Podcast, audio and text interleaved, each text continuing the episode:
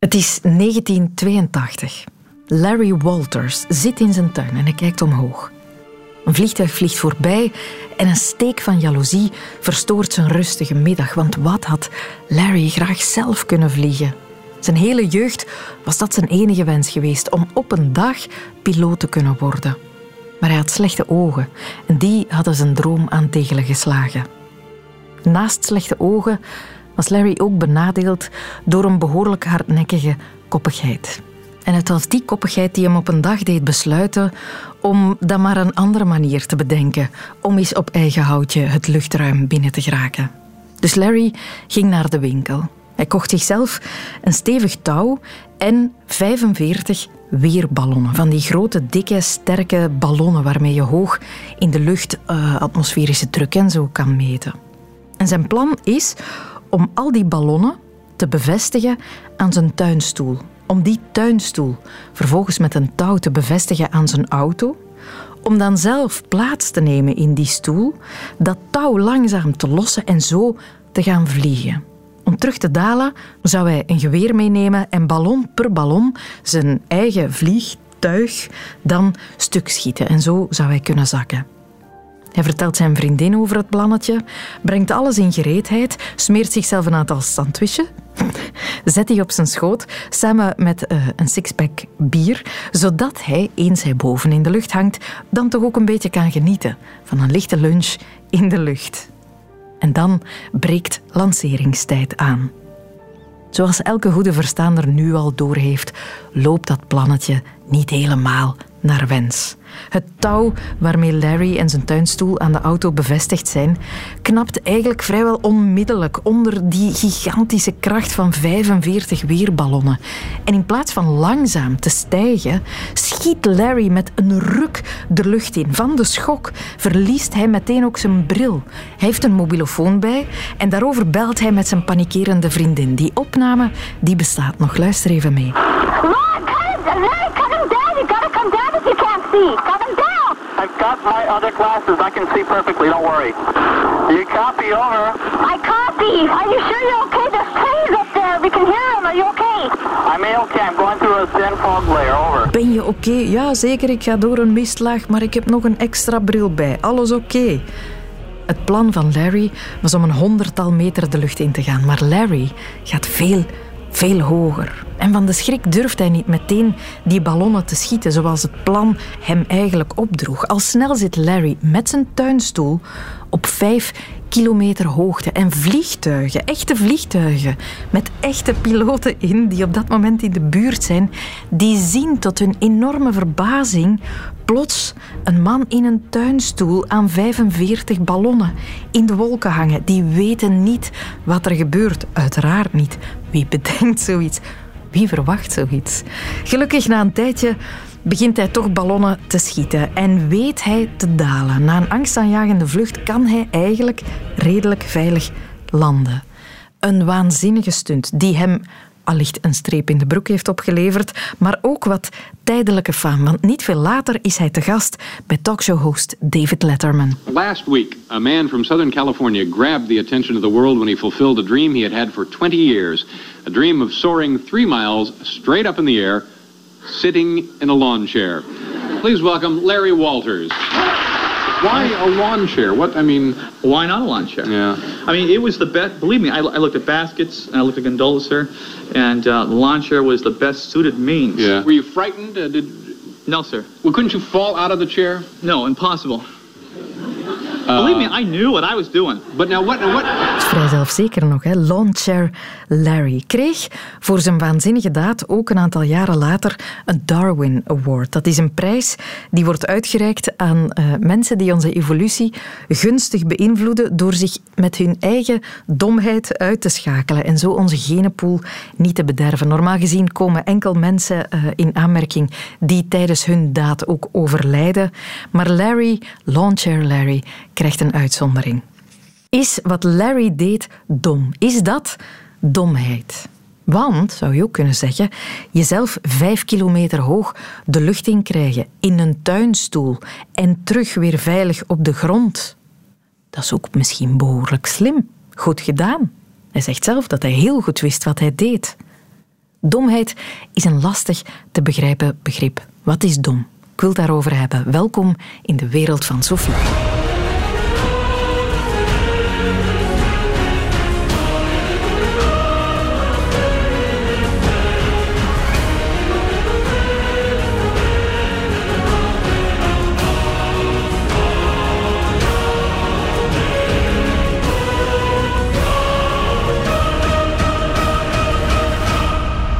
Niet zo heel lang geleden is een boekje verschenen, Domheid, geschreven door een Oostenrijkse gerechtspsychiater Heidi Kastner. Over domheid. Want, zegt ze, het werd maar eens tijd, want die domheid had hoogconjunctuur. De domheid viert hoogconjunctuur deze dagen. Bart Bogaert las het boekje en sprak met die Heidi Kastner, een beroemdheid in Oostenrijk. Ja, dat is ze zeker. Het is een zeer grote naam uh, in Oostenrijk. Ze heeft in 2015 uh, eh, het gouden ereteken van verdiensten voor de Republiek Oostenrijk gekregen. Dat is de hoogste burgerlijke onderscheiding die je in Oostenrijk kan krijgen. En ze is bij het grote publiek vooral bekend geworden omdat ze als gerechtspsychiater is opgetreden in een aantal ophefmakende zaken. Onder andere een zaak over uh, misbruik in de Oostenrijkse kerk. Dat hebben ze daar dus ook allemaal mee meegemaakt. Maar vooral uh, in 2008 was ze gerechtspsychiater in de zaak rond Jozef Fritzl. Ah. Uh, dat zal je je misschien nog herinneren. Jozef Fritzl, een man die in 2008 werd uh, opgepakt toen duidelijk werd dat hij zijn dochter jarenlang had opgesloten en in die tijd zeven kinderen bij haar had verwekt. Toen is ze ja, een, een grote bekendheid geworden. In heel veel televisie- en radioprogramma's is ze opgetreden. En sindsdien gaan alle vragen die ze krijgt ook alleen nog maar, of quasi alleen nog maar, over Jozef Fritzl. Ze heeft nu dus dat boekje over domheid uitgebracht. Dus wordt ze ook overal uitgenodigd. En je merkt dan dat ze twee à drie beleefdheidsvraagjes krijgt over die domheid, maar dat het dan snel toch weer over Jozef Fritzl gaat. Dus dat frustreert haar een klein beetje. Dat dus ik heb haar plechtig moeten beloven ik hoop dat je dat niet erg vindt, Sophie, om geen vragen over Jozef Fritzl. Nee, dat is dik oké, want die domheid interesseert me zeer. Uh, maar je hebt daar dus gesproken. Ja, ik heb daar kunnen sproken, sproken, spreken uh, over dat boekje. Over, ja, dat was al heel dom van mij. Ja. Ik heb er dus kunnen spreken. Um, en ja, zoals het gaat met een, een goed wetenschappelijk betoog, probeert ze in eerste plaats een, een goede definitie te geven van domheid. En dat is meteen al heel moeilijk, want we denken wel allemaal dat we ons daar iets kunnen bij voorstellen. We worden er misschien af en toe mee geconfronteerd. We steken vaak onze armen of onze handen in onze haren als we ermee geconfronteerd worden van hoe is het toch mogelijk dat iemand zoiets doms kan doen of doms kan zeggen of dat we zelf zoiets doms doen. Maar ja, om daar een eensluidende definitie van te geven, dat is moeilijk. Um, je zou het kunnen afzetten tegen intelligentie. Maar dan verklaar je nog altijd niet waarom heel intelligente mensen soms ook heel domme dingen doen. Mhm. Ehm, ook heel intelligente mensen uh, stappen wel eens in een auto als ze een glaasje te veel hebben gedronken of rijden wel eens door het rode licht, wat heel domme handelingen zijn, maar dat, neemt niet, dat maakt van hen nog geen domme mensen. Dus dat is heel moeilijk. Je kan het ook niet meten. Er, bestaan wel intelligentietesten, maar het is een bekende boetade onder psychologen dat je eh, met een IQ-test eigenlijk alleen maar meet hoe goed mensen in staat zijn om IQ-testen af te leggen. en hetzelfde probleem heb je dus ook met domheid. Het is, hoewel we het allemaal kennen, niet echt meetbaar. Maar toch waagt ze zich daaraan. Eh, dat heeft ermee te maken dat zij zelf dus ook daarmee geconfronteerd wordt met die domheid. Maar ook met het feit dat haar de laatste jaren iets heel hard is opgevallen. Namelijk, mensen zeggen nooit nog. Ik weet het niet. Ik hatte schon lange Zeit den Eindruck, dass es mittlerweile relativ modern geworden ist, nie mehr zu sagen, ich weiß es nicht. Ja, wann haben Sie das letzte Mal gehört, dass jemand zu Ihnen gesagt hat auf eine Frage, ich weiß es nicht? Man gibt auf alle Fragen eine Antwort, obwohl man vielleicht über das Thema sehr wenig weiß, aber man gibt einmal eine Antwort. Ja, ja. Het, het, lijkt wel modern aan het worden zijn, zegt ze, om nooit meer te zeggen: Ik weet het niet.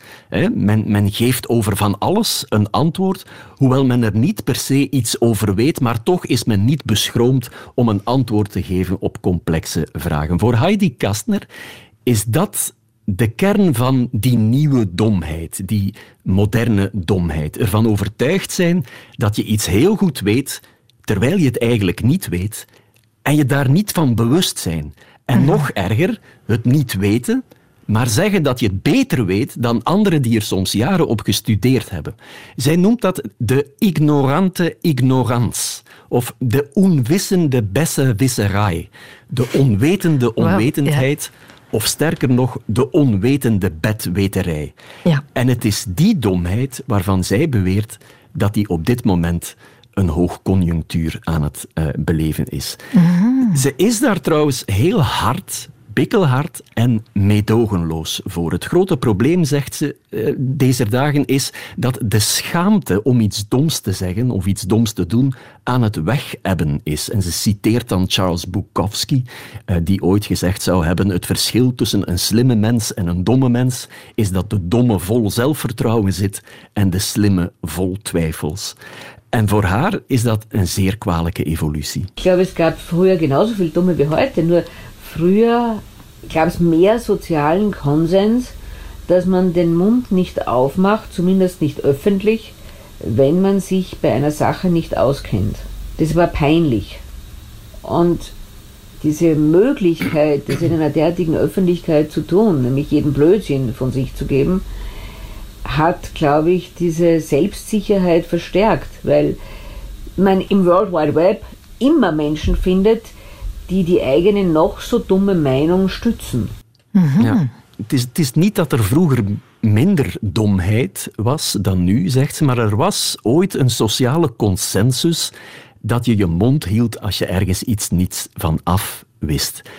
En die consensus die is weg, zegt ze. En dat geeft de domme meer zelfvertrouwen en via het internet ook nog eens een hele schare volgers die de domme, dankzij het algoritme, geen strobreed in de weg leggen en hem ook nog eens gaan stimuleren om zijn domme dingen te blijven zeggen. We zijn beland, dat merk je, bij een heel actueel thema. We merken het bijvoorbeeld ja, in, in het algemeen in onze gepolariseerde maatschappij over van alles en nog wat, maar ook in de coronacrisis, waar de twee kampen van ver naar elkaar dommerik staan te roepen, waarbij de, de andere als dommerik wordt weggezet. En volgens haar is dat gewoon in heel veel gevallen terecht. Einige sind schon dumm. Nicht? Die, die sich hinstellen und mit einer absoluten unkorrigierbaren und unhinterfragbaren Gewissheit behaupten, dass der Impfstoff aus Helikoptern versprüht wird, dass das Schwimmbadwasser im Sommer mit Impfstoff versetzt ist, dass im Impfstoff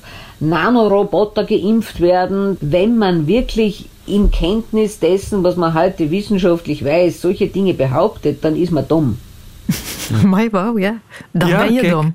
Dan ben je dom. Zo simpel is het, zegt ze. Mensen die met grote stelligheid allerlei complottheorieën, bijvoorbeeld over eh, de vaccinatie, blijven aanhangen, ook als ze geconfronteerd worden met verpletterend bewijs van het tegendeel. Ja, het is zo simpel als wat, zegt ze. Die mensen zijn dom. En die domheid, die moeten we ook absoluut gaan benoemen. En om haar punt kracht bij te zetten, gebruikt ze zelfs een zeer actueel, zeer hip woord. Het is ja heutzutage sehr woke. Es ist sehr, dass man für alles Verständnis aufbringt. Und ich glaube, dass diese alles verstehen müssen Mentalität eine extrem schädliche ist, weil sie klare Grenzziehungen verhindert. Und auch denen sehr viel Einfluss einräumt, die besser keinen haben sollten. Und ich glaube, wenn man Dinge nicht definieren kann, dann kann man sich auch nicht abgrenzen. Het is zeer woke, zegt ze, om daar allemaal maar begrip voor op te brengen, voor die domme uitingen.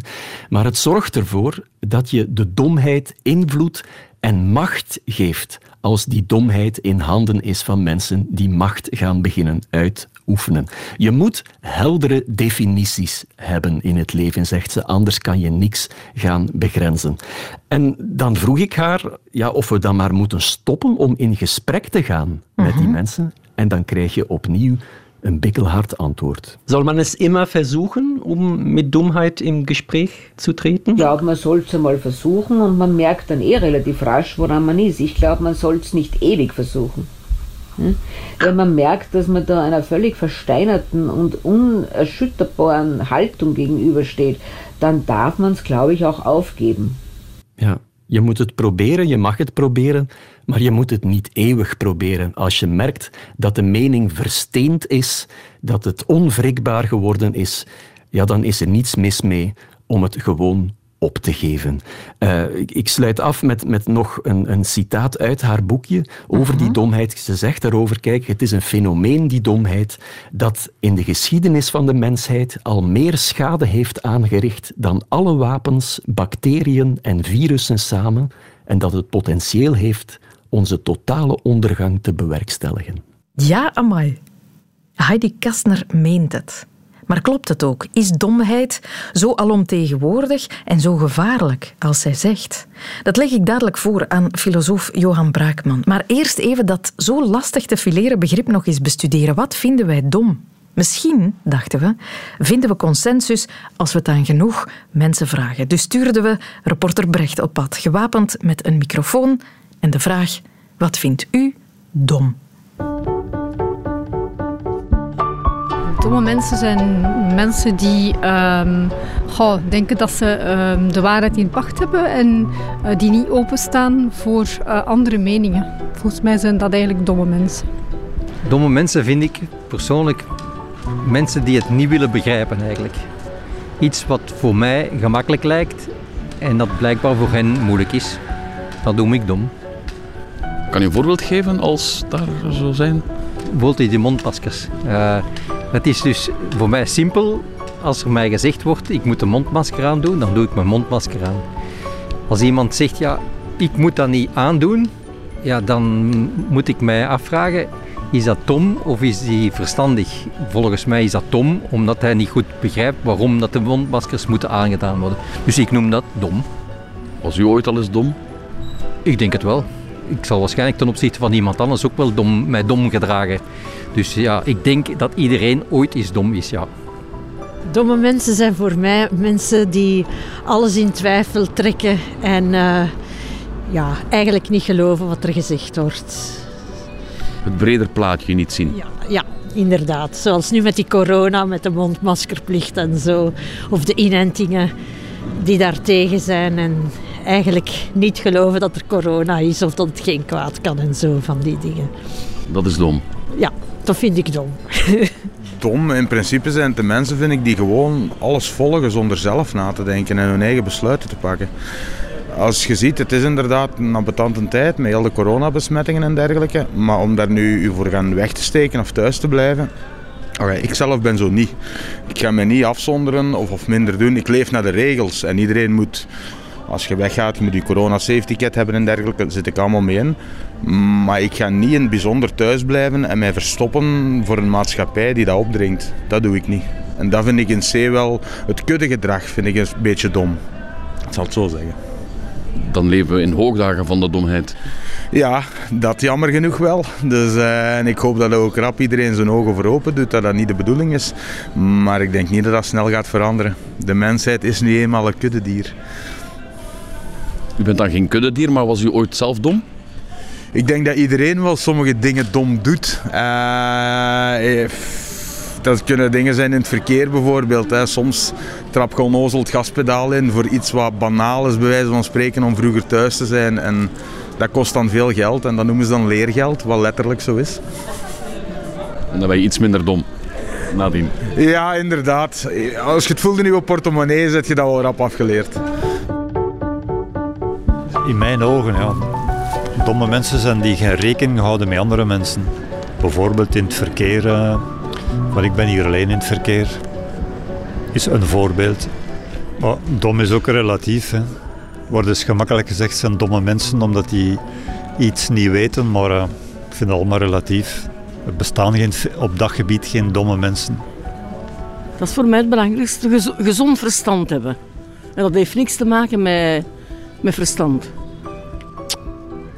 Je kunt domme dingen doen, maar daarom zijn ze nog niet dom. Je kunt wel domme dingen doen, ja. Zoals?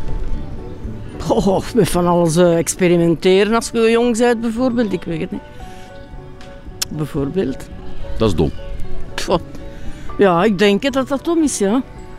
Mensen die dat drugs en zo gaan doen, die dat hun leven een beetje verkloten met die sigaretten en alcohol en zo. Ja, mensen die te rap opgeven een beetje. Of op school ook mensen die gewoon denken, ik weet niet, die gewoon niks doen voor school en het een beetje opgeven, ja. En wel voor mij, dom, dat is niet weten wat dat je zegt. Keer goed nadenken voordat je iets zegt. U kent zo'n mensen. Maar ja, maar ik zeg, dommigheid, dat is er niet, eh, niet gegeven. Maar spijtig genoeg zijn er veel domme mensen. En wat zeggen domme mensen? Als ik dom ben, dan zeg jij misschien ook dom, hè? Begrijp wat ik, wat ik naartoe wil. Mensen die niet luisteren eh, naar de argumenten, maar meer op de man spelen, is dat. Inderdaad, dat is het. Inderdaad. Was u zelf ooit al eens dom? Ja. Dat kwam snel. Ja. Ja, wie is er een keer niet dom?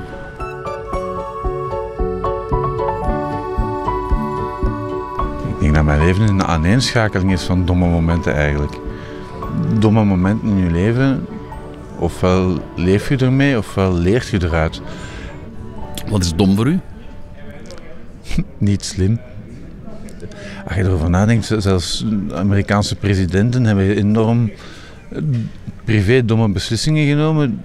Terwijl dat heel slimme mensen zijn. Eh, Kennedy had iets met Marilyn Monroe. eh, dat is dom. met- dom, dat is niet echt verstandig, hè? Er is nog nooit een goed verhaal begonnen met... Ik had een salade. Je weet soms, voordat je begint, van deze is niet slim. En dat kan alle kanten uit. En de beste verhalen zijn altijd iets dat bestaat uit een domme beslissing. Dat zijn de beste verhalen. Daarom niet de slimste, daarom niet de, dingen die u vooruit hebben geholpen. Het zijn wel de beste verhalen.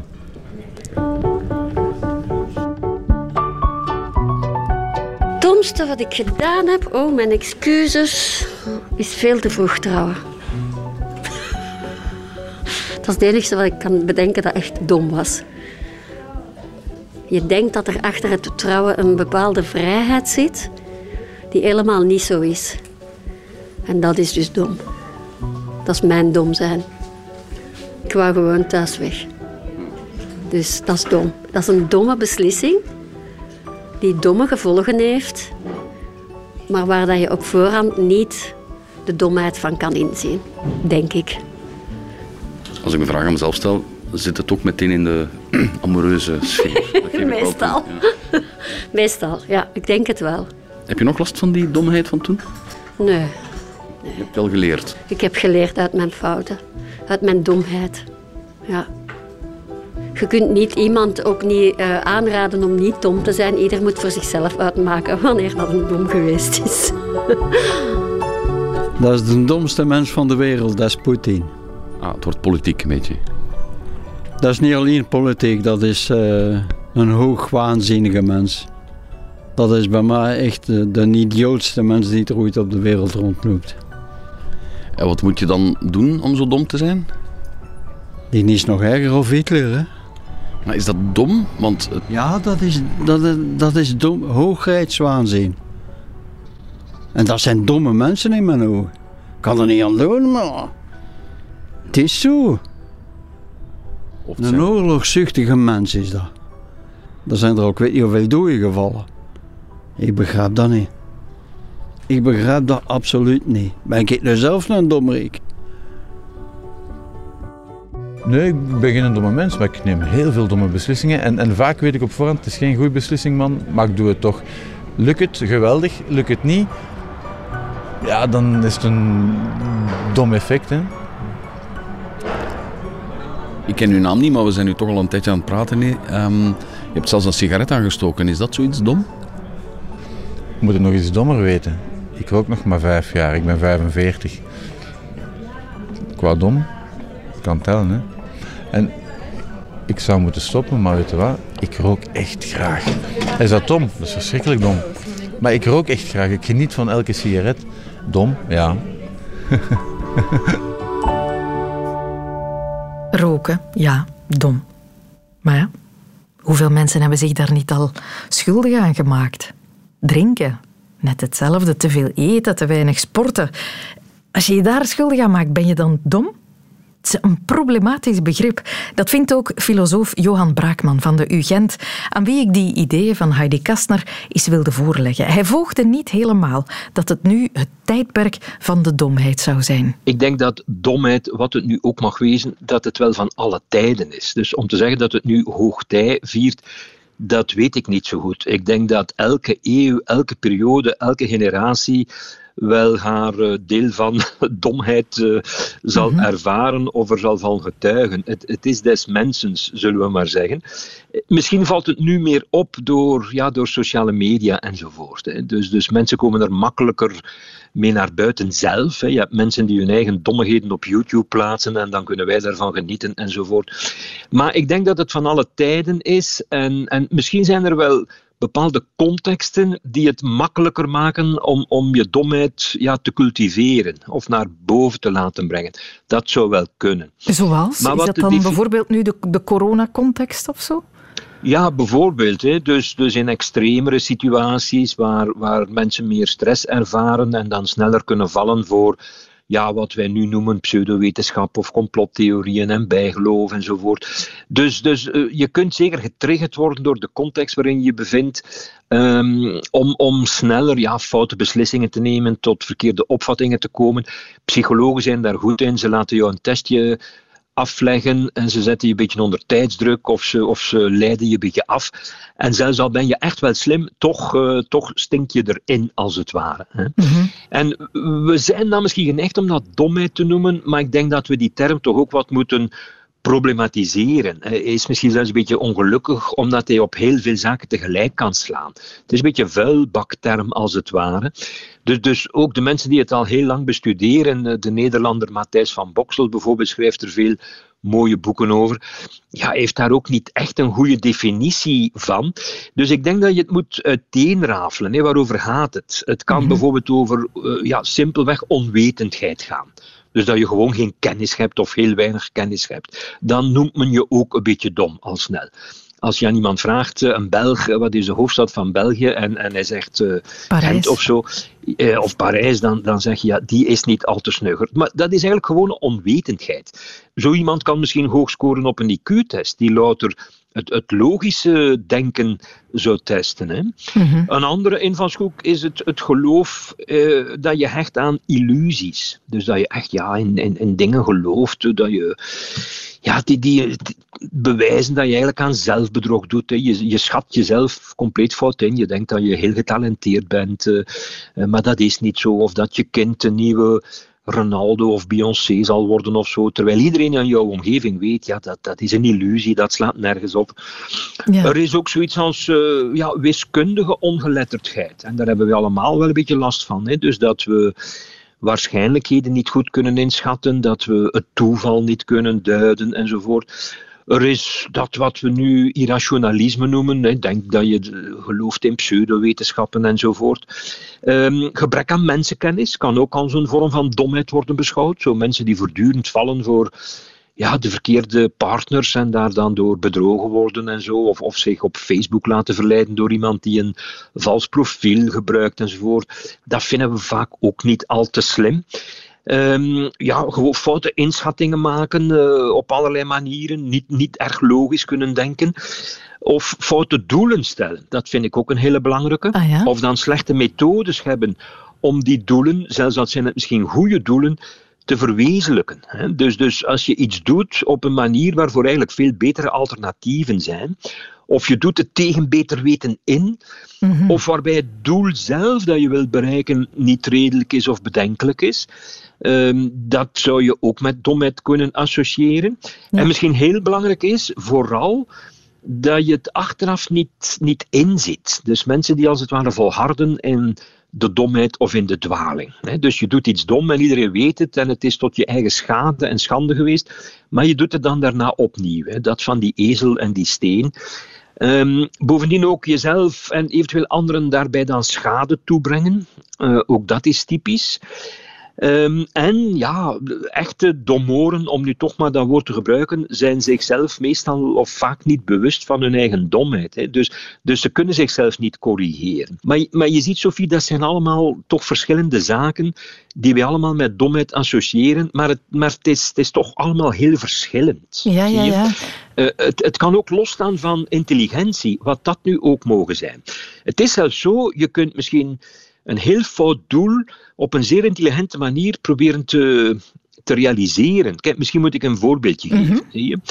En ik koppel dat ook aan het onderscheid tussen wat je kunt noemen ja, micro-rationaliteit en macro-irrationaliteit. Dat betekent dat je op het microniveau heel rationeel, heel slim, heel logisch, heel wetenschappelijk kunt te werk gaan. Bijvoorbeeld, uh, hoe je honderd jaar geleden, je vindt een auto uit. Dan kan je niet dom zijn als je een auto uitvindt. Of, of je vindt een benzinemotor uit. En, dat, dat is een complex iets, een auto uitvinden. Daar, daar klopt heel wat menselijk vernuft in. Dat is denk ik moeilijk, uh, van, moeilijk te ontkennen. Dus dat is op microniveau een zeer rationeel, zeer intelligent iets. Maar op macroniveau heeft dat tot ondertussen 100 miljoen doden geleid. Mm-hmm. Leidt dat tot uh, global warming? Leidt dat tot files? Leidt dat tot allerlei miserie? Dus op macroniveau kun je zeggen, is dat een heel irrationeel iets. Mm-hmm. Of denk aan algemeen het gebruik van fossiele brandstoffen ja, om die olie om te zetten in andere energievormen en daar arbeid mee te leveren en onze huizen mee te verwarmen en auto's te doen rijden enzovoort. Ja, je, je moet heel slim zijn om dit alles te kunnen realiseren. Mm-hmm. Maar op macroniveau is het ook heel irrationeel. Hè. Het, het, kan tot onze eigen ondergang leiden. Dus moesten de aliens landen en ze zien dat wij nog altijd massaal veel fossiele brandstof uh, verstoken, dan zouden ze zeggen, ja, die, die, die soort daar op aarde die het daarvoor het zeggen heeft, dat is een hele domme soort. Ja. maar we kunnen maar zo dom zijn omdat we zeer slim zijn. Want anders zouden we niet in staat zijn om auto's te fabriceren, olie op te pompen en, en ga zo maar door. Ja, ja. Het bijzondere is, als ik u al die soorten domheid hoor opsommen, dat we wel moeten vaststellen dat we met z'n allen redelijk dom zijn. Dat is iets wat we dan toch moeten aanvaarden.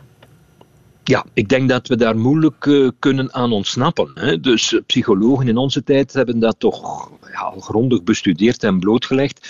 Dat we bijna gedoemd zijn om denkfouten te maken, om logische vergissingen te maken enzovoort. Mensen als Daniel Kahneman, uh, dat is iemand uit onze tijd. Hè. Dus we weten dat wel al lang, maar het wordt eigenlijk toch maar nu grondig bestudeerd. En er zijn mensen die denken, ja, bij mij werkt dat niet, ik ben daar als het ware immuun voor. Maar dat klopt niet. Die, die testjes van mensen als Kahneman tonen dat zeer duidelijk aan, dat je op een voorspelbare manier vergissingen, fouten zal maken. Kijk, ik zal kort een heel klein voorbeeldje geven. Het is een, een vrij bekend voorbeeld voor wie ja, dit soort uh, werk van, van die psychologen kent. Mm-hmm. Zoiets als het zogenaamde Linda-probleem. Dat, ja. dat gaat als volgt. Je moet je voorstellen, Linda is een, uh, een dame die, die ooit in haar jeugd filosofie heeft gestudeerd en ze is zeer intelligent. En toen ze studenten was, nam ze deel aan betogingen tegen kernwapens. Ja, dus je hebt nu zo een beeld uh, in je hoofd van wie Linda ongeveer is. Ik zie ze voor me, ja. Je ziet ze zo voor jou. We zijn zoveel uh, decennia later, nu, we zijn in het heden, en nu is de vraag, wat is er het meest waarschijnlijk? En je krijgt twee mogelijkheden, ik hou het simpel, of Daniel Kahneman houdt het simpel. A, Linda is een bankbediende, ofwel B, Linda is een bankbediende en actief in de feministische beweging. Mm-hmm. Ik ga jou niet laten antwoorden, Sophie, maar je denkt er ondertussen ongetwijfeld over na. De meeste mensen geven als antwoord B. Dus Linda is een bankbediende en actief in de feministische beweging. Waarom? Omdat ja, dat feminisme strookt ergens met het beeld dat ze ondertussen van Linda zich hebben gevormd. Filosofie gestudeerd, meedoen aan betogingen enzovoort. Terwijl in werkelijkheid moet het juiste antwoord A zijn. Dat moet zo zijn. Daar valt eigenlijk niet over te discussiëren. Waarom? Omdat zowel bij A als B is ze een bankbediende.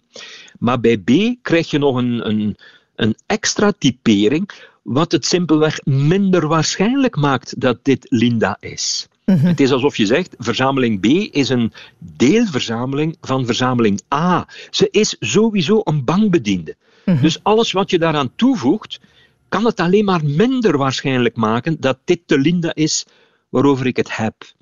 Wel nu, de meeste mensen ja, vergissen zich daarin. Ja. Dat, dat gaat automatisch, dat krijg je er niet zomaar uit. Zelfs Daniel Kahneman loopt daarin. De man die dit soort zaken heeft blootgelegd en daar een Nobelprijs Economie heeft eh, voor ontvangen. Dus ook, ook Kahneman, die, die het nogthans bestudeert, zal die fouten maken. En dan kun je zeggen, ja, dat is een beetje dom om die fout te maken, maar ik weet dus niet of dat de juiste term is. Het zijn normale fouten die een, een mens maakt omdat wij niet goed zijn in Mhm. dat soort zaken. Dus ik zou het woordje domheid hier dan toch wel wat willen nuanceren. Ja. Kijk, denk bijvoorbeeld aan ja, denkfouten zoals. Ik geef nu een simpel voorbeeldje en ik kan het zelf ook tegenkomen. En jij misschien ook. Je gaat met je auto gaan, eh, gaan tanken, je gaat naar een benzinestation. En je, je stapt uit en je stelt vast dat je aan de verkeerde kant staat als het ware. Dus de, de pomp staat eh, verkeerd of je auto staat eh, verkeerd. Bij elke huurwagen. Ja, bijvoorbeeld. Of een auto ja, waarvan je niet weet waar dat ding zit. En wat je dan, wat je dan doet, is, ja, je, je, je moet dat oplossen. Dus je, je, je wil met die slang niet over je auto. Dat is ook onhandig. Dus je, je gaat je auto, als er niet te veel volk is, eh, je rijdt een beetje weg en je keert je en je probeert opnieuw. Wel, er zijn mensen, en je kunt dat op die grappige YouTube-filmpjes zien, die dat zo vijf, zes keer naar elkaar moeten proberen en ze staan toch telkens aan de verkeerde kant. Ze slagen er maar niet in om, om ja, dat, dat gat aan de juiste kant van de pomp te krijgen. En als je daarnaar kijkt, is dat grappig, maar het, het, is, het zijn fouten. Het is eigenlijk een, een logische denkfout die je daar maakt, hè, die, die heel veel mensen kunnen maken. Dat is, dat is helemaal niet abnormaal dat je dat soort fouten maakt. Je bent daarom nog niet dom, nietwaar? Ja, ja, zo is dat. Nu, ehm, als we met z'n allen toch redelijk dom zijn eh, en dat moeten zien te aanvaarden, wat moeten we dan met Heidi Kestner, die zegt, hè, mensen bijvoorbeeld nu, eh, zij, ik grijp naar de coronacrisis, zegt, ze zegt mensen die massaal dat wetenschappelijke bewijs naast zich neerleggen en toch een andere mening hebben, die zijn gewoon dom, zegt ze. En we mogen daar geen begrip voor opbrengen. We moeten dat durven benoemen en we moeten ook niet blijven met die mensen in discussie gaan. Hoe hard mag je optreden tegen domheid? Ja, goh, zoals je het hier samenvat, kan ik haar toch moeilijk volgen. Hm? Omdat, eh, kijk, domheid staat dus niet tegenover intelligentie. Hè? Je, je, het zijn vaak slimme mensen die eh, mee aan de kar trekken van de antivax-beweging, om nu dit voorbeeld te geven. Hè. Mhm. Het zijn ook vaak in het verleden slimme mensen die de domste dingen hebben gedaan en die trouwens hele naties eh, naar de afgrond hebben geleid. Hè. Daar zijn helaas eh, veel voorbeelden van. Nee, ik denk dat, ehm, dat je met mensen in gesprek moet gaan en hen moet aanspreken op hun redelijk denken en, en je moet proberen te begrijpen waarom zij dat standpunt hebben. Het kan voor iemand die de wetenschap een beetje kent en weet hoe het zit met vaccins en het virus enzovoort, soms verbijsterend zijn dat, dat mensen dat negeren. En de feiten die je aanbrengt, het glijdt allemaal van hen af. Iedereen eh, kent dat soort eh, kwesties of discussies Mhm. wel. Maar je moet beseffen, denk ik, dat die mensen niet tot hun opvatting gekomen zijn per se op basis van alternatieve feitelijke inzichten. Vaak gaat dat over een zelfbeeld of om ergens toe te behoren, een groepsgevoel, een groepsdruk, loyaliteit naar iets of iemand toe en ga zo maar door. En dan moet je dus een andere invalshoek gebruiken. Kijk, ik, ik, ik ga even de- een link leggen met, met ja, vormen van domheid waar moeilijk over te discussiëren valt in zekere zin, dat, dat ze dom zijn. Als je naar filmpjes kijkt op YouTube, als je intikt zoiets als people doing stupid things. Ik, ik kijk, Ja, ik heb nu al zin dat in. bestaat, hè. Ja, ik kijk daar graag naar. Hè. Dan, dan, dan zie je echt onze soort in actie. En je, je houdt het soms niet voor mogelijk wat mensen allemaal uitsteken. Kijk, ik geef een simpel voorbeeldje. Het zal duidelijk zijn, denk ik. Ik zag zo een filmpje, het duurt enkele minuten, van een jonge man, dus niet eens een kind of zo, een jonge man. En die had eh, ja, beton gemaakt, cement met wat water en zand en zo. En hij had dat in een, microgolfoven gegoten en daarna zijn, zijn hoofd daarin gestopt. Met een slangetje in zijn mond weliswaar, zodat hij nog kon ademen. En dan was dat eh, natuurlijk beton geworden, dat was hard geworden en hij zat met zijn kop vast in dat beton in die microgolfoven. Waarom een microgolfoven ja, en geen emmer of zo of whatever, ik, ik heb geen idee. Het moest blijkbaar een microgolfoven zijn. En dan moest de brandweer eraan te pas komen om hem daar letterlijk ja, met, met hamer en bijtel uit te bevrijden. Dus, dus ja, dat lijkt de echte pure domheid te zijn, nietwaar? Maar ook hier, ik probeer dat toch anders te interpreteren, omdat als je gewoon zegt het is van dommigheid, dan zet je dat ergens weg zonder het echt goed te verklaren, nietwaar? Het is een Mhm. beetje alsof je zegt, bij Molière vind je dat in een of ander toneelstuk, iemand die vraagt waarom val ik van dat drankje in slaap? En dan is het antwoord in dat toneelstuk, omdat er een slaapverwekkend middel in zit. Ja, dat zal wel. hè. Zie je, maar op zich verklaart dat niks natuurlijk. Ja, ja. Dus je moet, je moet begrijpen, waarom doet zo iemand iets? Zo zijn kop inbetoneren in een microgolfoven. Wel, ik denk dat je zoiets kunt begrijpen vanuit het feit dat mensen vaak ook dingen doen, ja, onder meer als signaalfunctie. Zo tonen, ik durf dit, ik, Ik kan ben dit. zo'n dit type. Ja, dit bewijst dat ik erbij hoor. Dus antivaxer bijvoorbeeld doen dat ook vaak zo. Een soort signaal van, kijk, ik, ik behoor tot jullie groep. Hè. Mhm. Daar kun je heel veel voorbeelden van geven. Eh, je bewijst je loyaliteit daarmee aan een bepaalde groep. En je differentieert je meteen ook van een andere groep. Denk aan mensen die cagefighting doen of zo. Zo, zo jezelf tot, tot pulp laten slaan, dat, dat lijkt mij ook niet echt verstandig. Maar toch kijken we daar met miljoenen mensen naar. En, en we, we, we noemen het zelfs niet eens dom. Eh, maar mensen doen dat, ja, als een, dat geeft een andere functie dan, dan wat je direct zou associëren met, met het ding op zichzelf. Kijk, de snakehandlers in Amerika, dat zijn mensen die tijdens kerkdiensten met slangen beginnen dansen en dan soms gebeten worden. Dat lijkt oerdom. En, en in zekere zin is het dat ook. Maar zij doen dat omdat ze daarmee aantonen hoe sterk hun geloof wel is. Ja.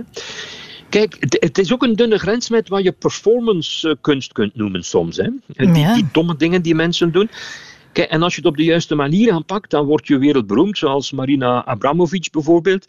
Maar als je het minder intelligent aanpakt, ja, da- dan steek je je hoofd in beton en dan kom je op filmpjes van people doing stupid things en zo. Je moet het proberen te begrijpen vanuit ja, de menselijke psychologie, vanuit de menselijke natuur. Als je dus simpelweg zegt, ja, het is door een gebrek aan IQ of het is eh, dommigheid, dat legt eigenlijk niet veel uit. Nee, menselijk gedrag is veel te complex om het in twee basiscategorieën als slim en dom eh, op te Ja. splitsen. Dat is heel Kijk, erg het- het- duidelijk. Het zorgt ook voor valse tegenstellingen, denk ik. Het, het zijn meestal de mensen die zichzelf helemaal niet dom vinden, die dan van anderen zeggen, ja, die zijn dom, of een groot deel van de bevolking is dom, en, en we moeten ermee leven, of we moeten het aanpakken, enzovoort. Maar het is niet zo dat je de mensheid in twee groepen kunt Mhm. onderverdelen, de domme en de slimme. Menselijk gedrag is complex om in twee categorieën slim en dom op te delen. We zijn namelijk met z'n allen slim en dom tegelijk, afhankelijk van het moment waarop je ons treft, bij wie we zijn, hoe we ons voelen, wat we willen bereiken en nog zoveel meer factoren die bepalen hoe we handelen. Johan Braakman. Als je dus iemand dom noemt, ja, dat is behoorlijk dom. En misschien is dat nog schadelijker dan domheid zelf. Het gebeurt spijtig genoeg wel. Daar kan filosoof Injaas de Vis over meepraten. Het is misschien moeilijk te geloven, maar toen hij middelbare school liep, zag niemand hem echt verder studeren. Te dom, dat was het verschroeiende oordeel. Bart Bogaert zocht hem op. 14 jaar. Het gaat niet goed. Mijn punten gaan naar beneden en ik werd gepest. Katholieke school, katholieke opvoeding, geen praatcultuur. En ik werd eh, doorgestuurd, want de pestproblematiek werd niet besproken, maar ik werd doorgestuurd naar het toenmalige PMS, het CLB van vandaag, waar een mevrouw mij eh, te woord stond en vroeg van... ehm, niet waarom zijn de punten slecht, maar wat zou ik willen doen?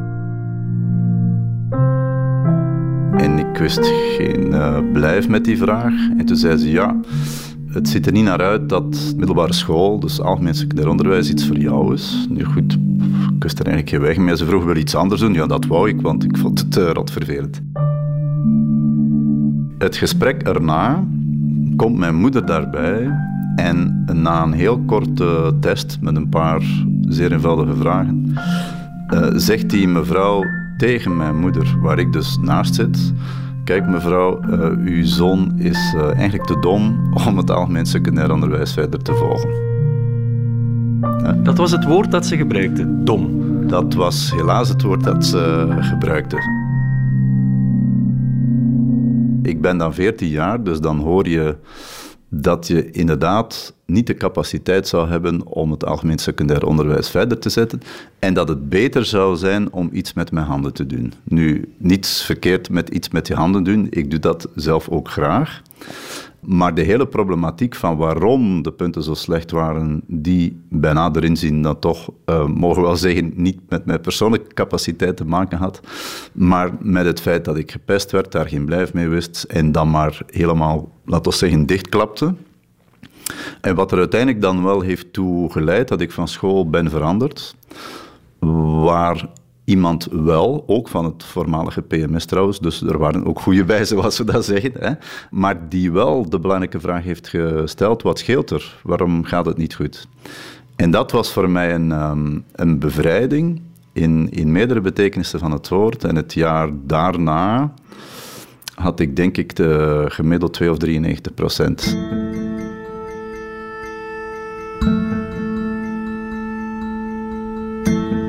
Als dat woord wordt gebruikt, wat toch een vrij lomp woord is, want als je iemand wil beledigen, dan enfin, domheid, idioot, dat soort van zaken meer. Zeker aan een puber, kwetsbare puber. Ik was een beetje een laadbloeier ook, dus dan, dan sta je toch wat kwetsbaarder in die leeftijdscategorie.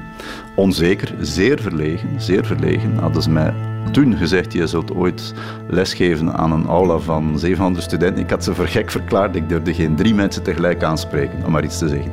Dus dan komt dat zo hard binnen, dat je daar inderdaad jarenlang moet van bekomen. Geloof je dat op dat moment? Is er een inwendige stem die dan zegt, nee, dat is niet waar en ik ga het bewijzen dat het niet waar is? Of denk je juist van, oei, ja, ja dat klopt eigenlijk? Uh, dat laatste toch. Want zelfs al was het jaar daarna dan duidelijk dat ik wel toch een aantal capaciteiten had. Het heeft eigenlijk geduurd tot uh, mijn eerste jaar aan de universiteit dat ik daar finaal toch van overtuigd was. Want ik had uh, in het eerste jaar een grote onderscheiding. En ik weet nog dat ik naar de, naar de pedel, zoals dat dan heet, ben geweest, de studentendienst, en heb gevraagd, zou het kunnen dat er vergissing in het geding is, wat uh, ik denk niet dat die punten van mij zijn. En toen verzekerden ze mij, oh, nee, jongen, wel degelijk uh, jouw punten. En pas dan is het beginnen dagen van verdorie, misschien hadden ze geen gelijk. Als ik zie studenten worstelen die echt ongelooflijk hard hun best doen en er zo net niet raken, dan, dan uh, word ik er zelf nog altijd een beetje gevoelig van, merk ik.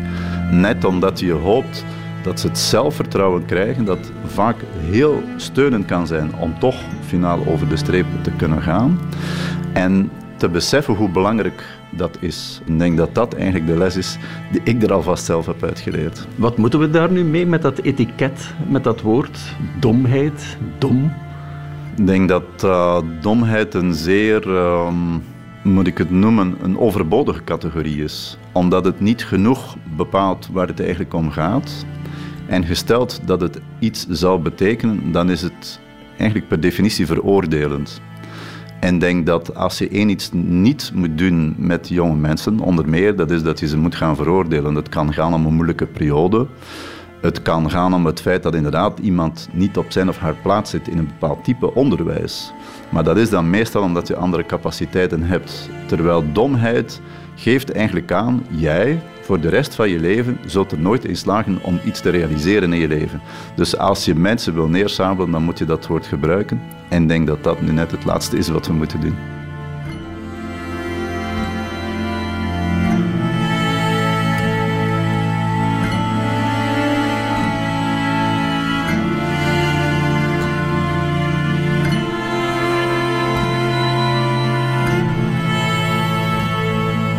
Is een overbodige categorie, die van de domheid. Injaas de Vis zegt slimme dingen.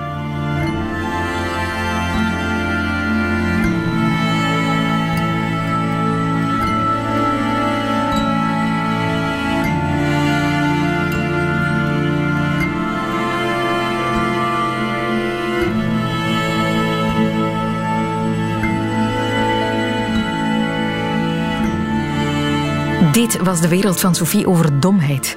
Volgende vrijdag een nieuwe aflevering bij Leven en Welzijn natuurlijk.